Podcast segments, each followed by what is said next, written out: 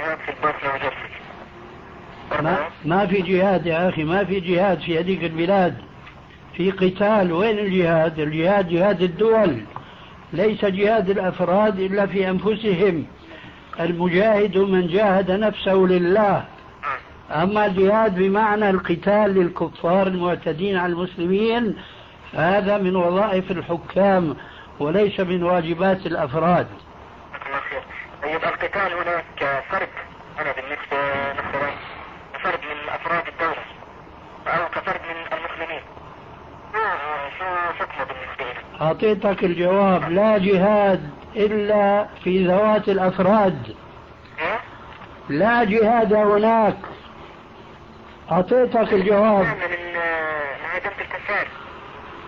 يا أخي الله يهديك عم أجاوبك عم أقول لك ما في جهاد هناك. قتال قتال قتال. ما في قتال في الإسلام إلا مقرونا بالجهاد يعني ما نذهب؟ لا ما تذهب خليك بأرضك وجاهد نفسك نذبح يعني؟ ما فهمت علي إذا؟ ما فهمت عم أقول لك هي وظيفة الدول شو بتعمل؟ شو بتعمل؟ ما في دولة إسلامية ما في أفر...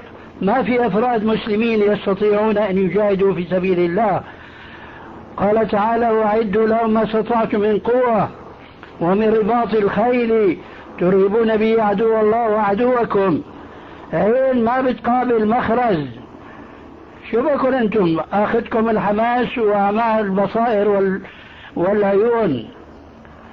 جاهد جاهد نفسك حي. من بلاد المسلمين يا أخي الله يهدينا وإياك فهمت علي ولا لا؟